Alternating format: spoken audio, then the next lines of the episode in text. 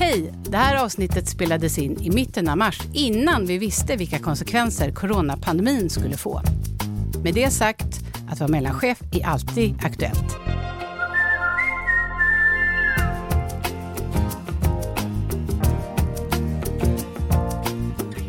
Den absolut bästa metoden att stävja konflikter på arbetsplatsen är såklart management by no questions asked, sa chefen och la armarna i kors och sköt ut hakan så hans underbett syntes ännu mer. Frågor på det? Nej, just det. Det här var på 90-talet och den numera berömda managementmetoden fanns som tur var inte på riktigt utan levererades av den fiktiva karaktären affärsmannen Percy Nilegård i humorklassikern Nile City. Percy Nilegård var mannen som också löste konflikter genom att inte låtsas höra, att övertygande ljuga folk rakt upp i ansiktet eller helt enkelt sätta den person som sa emot på ett möte i en taxi hem. Såklart helt otänkbart i verklighetens arbetsliv. Men visst kan man ändå som chef ibland längta efter att kunna ta till en enkel metod för att lösa ett komplext problem. För problem och konflikter på arbetsplatsen blir allt vanligare på svenska arbetsplatser, visar flera undersökningar. Det kan gälla åsikter som krockar, intressekonflikter, samarbetsproblem eller helt enkelt organisatoriska problem som sätter käppar i hjulen för alla inblandade. Och konflikter på arbetsplatsen väcker ofta också starka känslor och inte sällan hamnar de på just mellanchefens bord. Hur reder man ut en konflikt? Ska man alltid göra det eller ska man låta vissa konflikter lösa sig självt? Och finns det till och med något bra med bråk? Idag ska det handla om konflikter på arbetsplatsen i mellanchefer emellan. Jag heter Karin Adelsköld. Hej och välkommen Louise Lind. Du Hej. är handledare och konsult på egna företaget Lind Ledarutveckling och HR-kommunikation. Tidigare har du jobbat som kommunikationschef på Taxi Stockholm och gruppchef på Polismyndigheten i Stockholms län. Och för tillfället är du också eh, kommunikationschef på Scouterna. Ja! Vad tänker du på när jag säger konflikter? Vad, vad har du för erfarenhet av det? Eh, dels har jag ju varit med och sett konflikter när det är på arbetsplatser eller i min roll nu som konsult när det är eh, på arbetsplatser. Jag går in i grupper och jobbar med att reda ut och sortera. Vad består konflikten av och hur tar vi oss vidare? Mm. Vad skulle du säga är den vanligaste konflikten? Du som är ut och in i flera företag. Går det att säga det? Vad är det vanligaste vi bråkar om eller har konflikter om? För konflikter och bråk är ju inte alltid samma sak. Nej, jo, eh, en konflikt är mer så här, jag har ett jättestarkt önskemål om någonting som är viktigt för mig och sen blockeras det av någon. Och det kan vi stå ut med en stund, men sen när det blir liksom över tid så väcks frustrationen och den blir starkare och starkare och det är då vi börjar agera på mer eller mindre bra sätt. Mm. Så att själva konflikterna kan ju egentligen bestå av massa olika saker. Ofta tycker jag att det kan vara sakfrågor, till exempel det vi kallar för ordningsfrågor. Man är inte överens om spelreglerna i arbetsgruppen eller på arbetsplatsen. Och vad kan det vara? Kan det vara det så små saker eller stora, när man jobbar, hur man jobbar? Mm. Om man värmer fisk i mikron, alltså det kan vara... Fisk i mikron! Ja, ja förlåt. förlåt. Ja, det kan vara det allra mest vanliga. Är vi överens om att det är okej att eh, komma lite för sent till möten? Eller är det så att man faktiskt behöver respektera folk som har kommit i tid och att man då själv kommer i tid för att visa hänsyn till andras tid? Mm. Förr så pratade man mycket om konfliktlösning. Idag så pratar man lite mer om konflikthantering. Mm. Alltså vad är det för skillnad? Eh, många chefer till exempel kan fastna i det här, nu ska det lösas. Vilket jag tänker så här, lösning kan snarare bli låsning ibland. Därför att man säger, ja nu sätter vi oss här i rummet, nu ska vi lösa detta. Och där sitter någon som är jätteledsen, kränkt eller jättearg. Eller så här. Det behövs andra saker innan själva lösningen kommer. Och det är inte säkert att det går att lösa. Alla konflikter går inte att lösa. Och tycker olika saker, det gör vi hela tiden på mm. var och varannat möte. Så. Men just själva konflikten bör och ska alltid hanteras. Men det är också så att eftersom alla konflikter inte går att lösa så ibland ser vi på arbetsplatser att någon eh, som är anställd blir utköpt till exempel eller omplacerad eller i, i bästa fall kan jag tycka att det, man tar ett samtal med den som man tycker har ett beteende där man önskar ett annat beteende. Mm. Jag sa just i inledningen att eh, undersökningar visar att vi har fler och fler konflikter på svenska arbetsplatser, mm. som ofta då hamnar i knät på chefen. Mm. Vad tror du det beror på? Jag tänker att det blir fler och fler konflikter därför att det blir också högre stress och press och på kortare tid ska du lösa mer komplexa saker. Vilket gör att det blir ganska svårt att samarbeta. Du kanske inte får tiden att tänka efter hur hittar vi en bra lösning utan det ska bara levereras. Och då i mellanchefsrollen, ännu svårare för du har ju så här dubbel lojalitet både uppåt och neråt och det trycks på från båda håll och otroligt jobbig arbetssituation många gånger. Mm.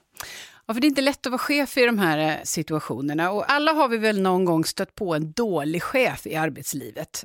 Och det kan vara någon som inte lyssnar på sina anställda till exempel, som är konflikträdd eller kanske helt enkelt inte besitter de rätta chefsverktygen.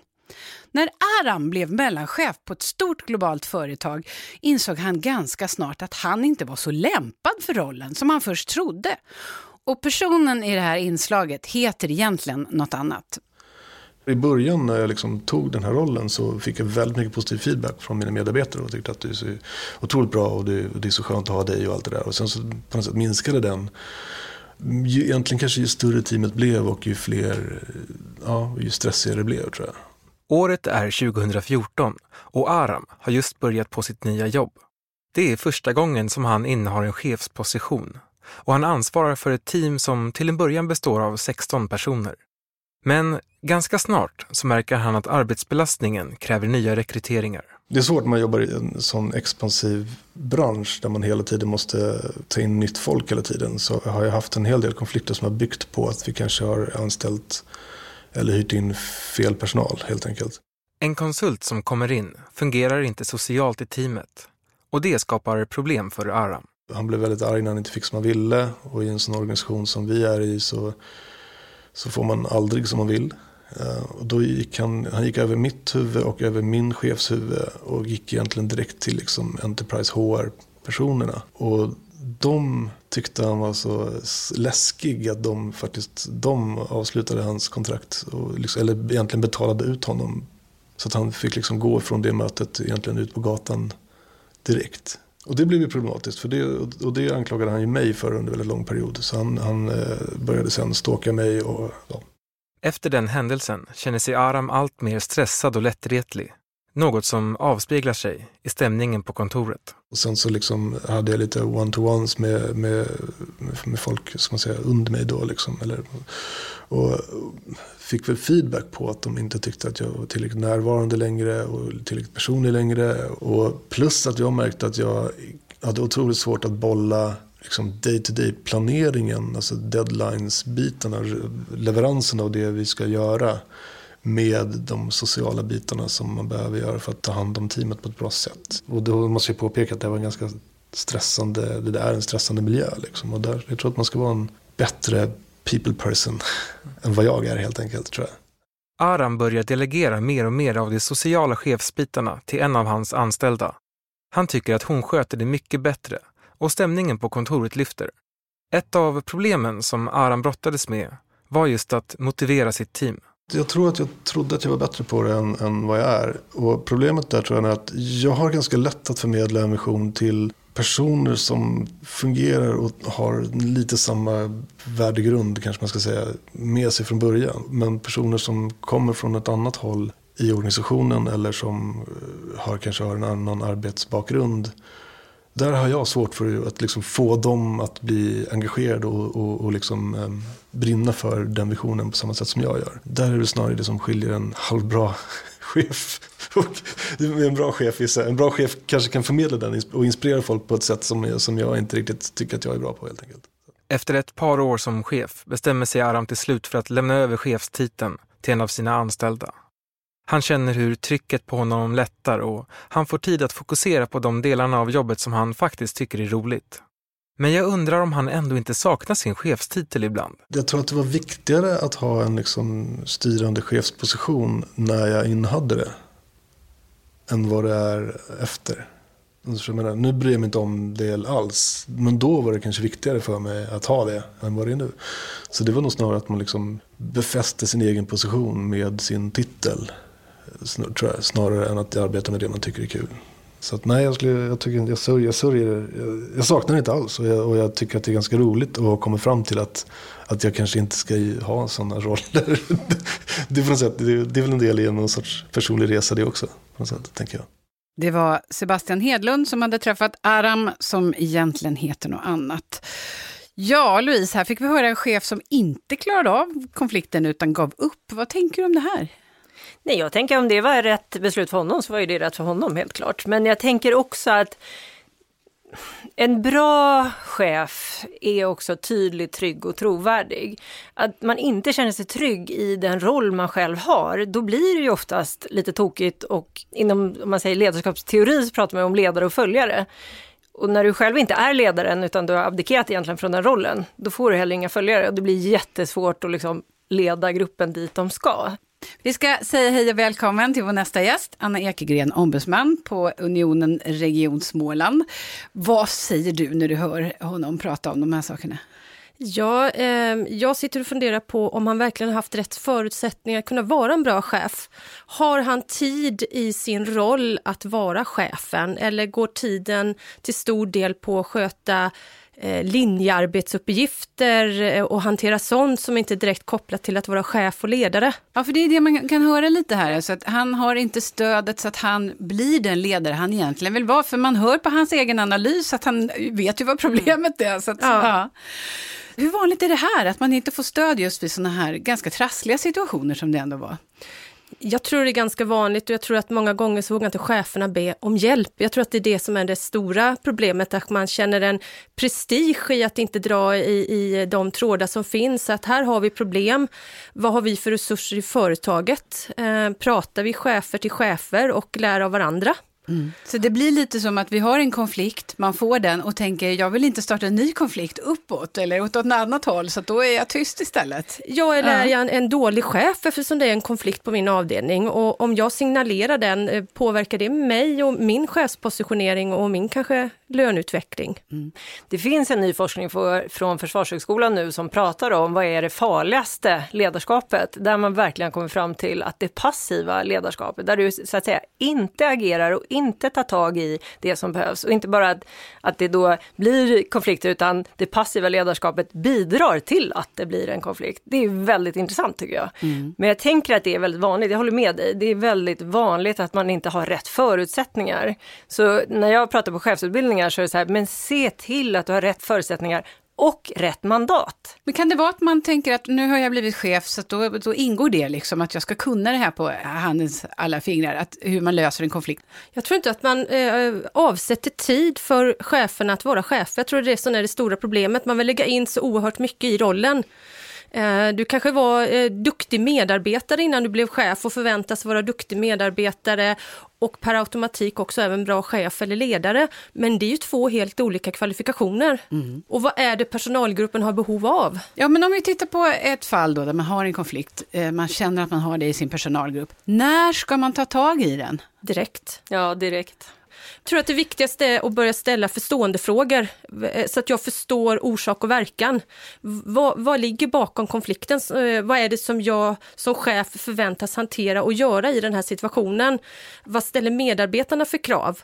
Våga vara chef, för du kan inte vara kompis med alla, utan här måste du gå in och vara chef och använda ditt mandat och fatta beslut mm. och ställa krav. Och Louise, finns det någon konflikt som man bara ska låta vara, alltså kan det bli värre om man tar tag i den?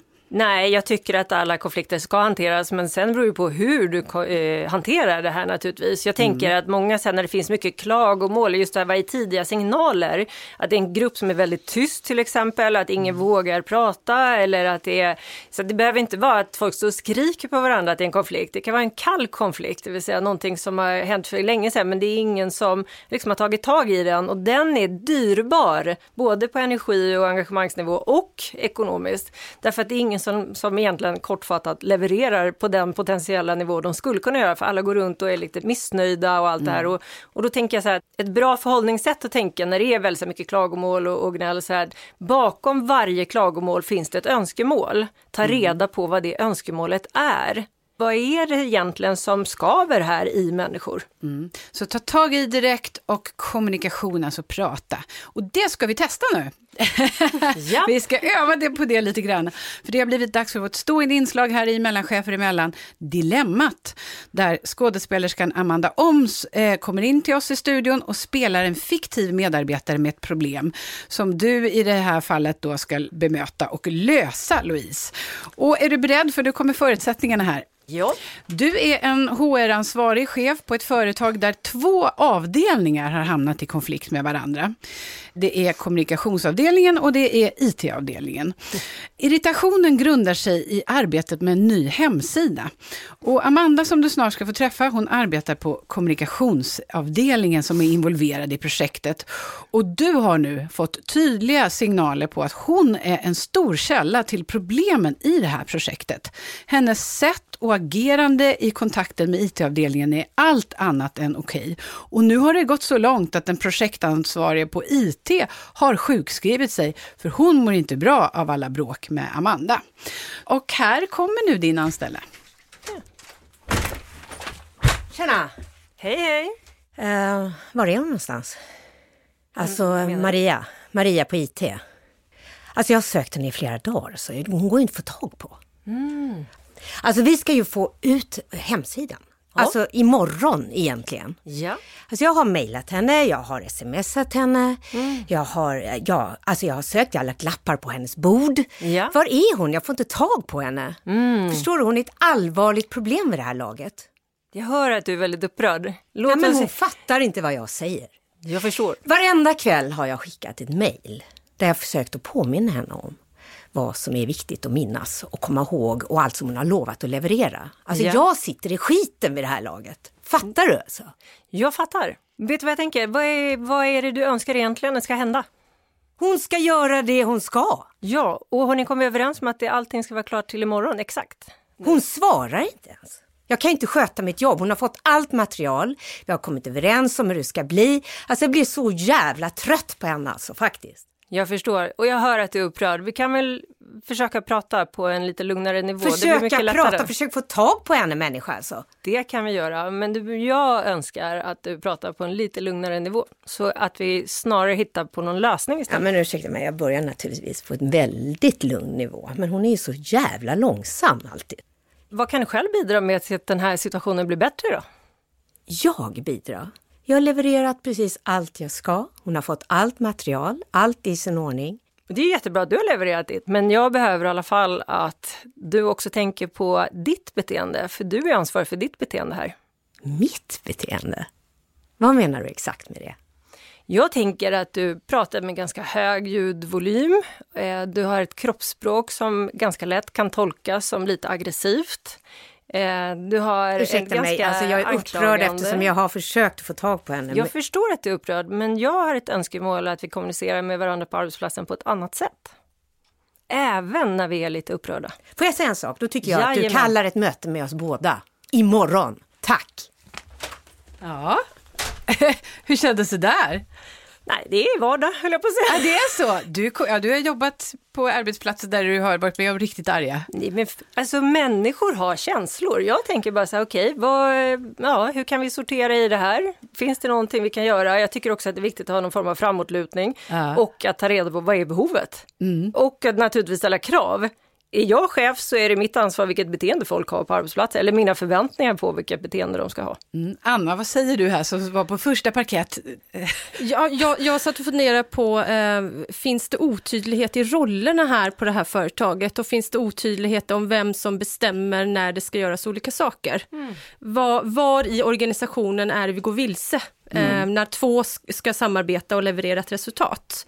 Och det tyckte jag Louise, du var väldigt bra där, för det var bland det första du sa just. Vad har du för önskemål? Vad är det som fattas dig? Alltså du försökte istället för hennes fokus då på den här personen som inte var där och som var fel på, försökte du rikta tillbaka. Sen är jag imponerad över hur ärlig du var med kroppsspråk och ton och faktiskt som hon betedde sig, även om du inte fick något gehör där riktigt. Men, ja. Inte gehör, men jag tänker att det är viktigt att det är återkoppling på vad är det jag ser och vad är det jag önskar. Mm. Men är det en bra, för vi försöker ju lära oss någonting av det här, är det ett bra mm. sätt att gå liksom? Att vrida tillbaka fokus på den som faktiskt är arg, inte på den som det då enligt henne är fel på eller den andra? Ja, med fokus på vad behövs här för att komma i balans. Hon mm. är uppenbart inte i balans. Och jag tänker så här, det vi kan lära oss är ju att inte själv komma i obalans. För att om jag är lugn och trygg och vet vad jag vill så är det det jag förmedlar för att tydliggöra i situationen både vad jag förväntar mig men också att hon får återkoppling på det beteende som jag inte accepterar. Mm. Du blev inte rädd alls? Inte ett Nej, oh, Nej gud, det här, det här var lugnt. Jag har varit med om mycket värre. Är det sant? Ja, gud ja. För jag tänkte just att är det här man liksom vet att man har framför sig så är det klart att man drar på konflikthanteringen och drar mm. lite på det här mötet och tänker imorgon eller övermorgon eller efter semestern eller kanske för, efter jag gått i pension. Alltså. Det blir ju en positionering och, mm. och, ett sätt att förhålla sig till medarbetarna på arbetsplatsen som naturligtvis en del kommer dra nytta av eller kommer förstärka vissa beteenden. Mm. Och det är ju inte önskvärt. Nej. Det här är nog ganska vanligt också att man kommer in när man är så himla arg eller så ledsen eller någonting annat. För det är väldigt ofta starka känslor i konflikter. Finns det någon idé att försöka förskjuta, förhala, få personerna att, lugna ner sig, kallna lite? Eller är det bra att ta det här i eldens sätta? En del har ju en tendens att gå tillbaka och bli väldigt inne i konflikten igen, även om du träffas om två veckor. Mm. Så fort du pratar om händelsen så är de mitt i konflikten igen. Ja. Uh, och då försöker jag prata med, jag träffar medlemmar, men okej, nu får du distansera dig och, och titta lite utifrån och in. Vad var orsak och verkan? Vad bidrog du? Vad var otydligheter? Och försöka bena upp det och strukturera. Vad, vad ligger det akuta problemet vi måste hantera nu och måste mm. vi hantera lite längre fram? Mm. Mm. Vad finns det för hjälp man kan få då? Man lyssnar nu och tänker, det här är ju precis det jag har framför mig. Jag har en konflikt som jag måste lösa. Rent konkret, vad börjar man med? Ehm, identifiera vad, är det mest akuta vi behöver hantera så att vi kommer till ett hyfsat nuläge utifrån ett arbetsmiljöperspektiv. Både för chefen och för medarbetarna. Och sen lägga en plan framåt. Um, hur kommer vi till rätta med det som är och hur undviker vi det i framtiden? Mm. Och stöd som går att få då om man känner att nu är jag lite osäker på hur jag ska ta mig an det här problemet. HR Mm. Mm. Företagshälsovården har fantastiska beteendevetare mm. och, och, resurser som, som är experter på att gå in och titta på en konflikt och försöka lösa upp den. Och, och identifiera vad man behöver komma till rätta med för att det inte ska ske igen.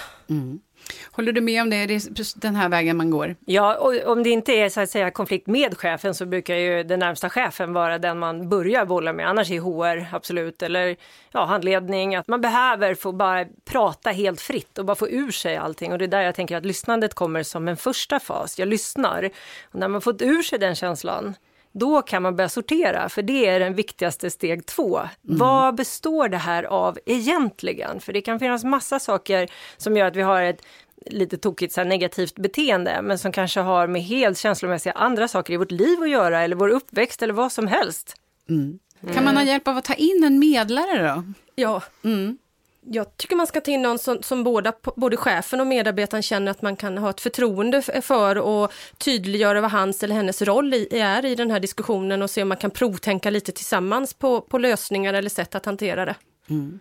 Nu eh, har ju du träffat en massa företag, det har ju du också gjort. Har ni sett någon sån här alternativ konfliktlösning som har funkat bra? Jag kan ju berätta som jobbar som ståuppkomiker, jag har ibland blivit intagen till just personalfest där man inte riktigt orkat prata om saker som man tänkt vi tar en komiker. Det har inte funkat så bra, även om jag har varit rolig alltså. Men har ni sett något bra exempel på alternativ konflikthantering? Alltså det finns ju det finns ju rätt många åt det andra hållet. Mm. Där, där man liksom får en beställning så här, kan du genomföra ett litet öråd här? Vi sätter chefen här i centrum så får alla andra ge återkoppling här på hur jävla dålig den här människan är. Nej. Eh, då tackar man ju nej mm. och framförallt försöker ge lite återkoppling på att den där beställningen är inte särskilt sund. Vad har den här chefen fått för stöd i situationen? Mm. Så jag skulle nog säga att det första här, det handlar om det är ju att förstå att också konflikter är en, en process. Så att även som i den här med Amanda, så att säga, får, får jag något gehör? Nej, men det får man sällan första samtalet. Nej. Utan det är en process där man får börja bearbeta. Men man måste alltid vara tydlig med vad är min förväntan och vad är det jag vill ha i den här situationen också. Mm. För det är lätt att bli lite uppäten av någon som är väldigt sådär i affekt. Ja, vi känner det allihopa här tror jag. Svetten rann i alla fall hos mig.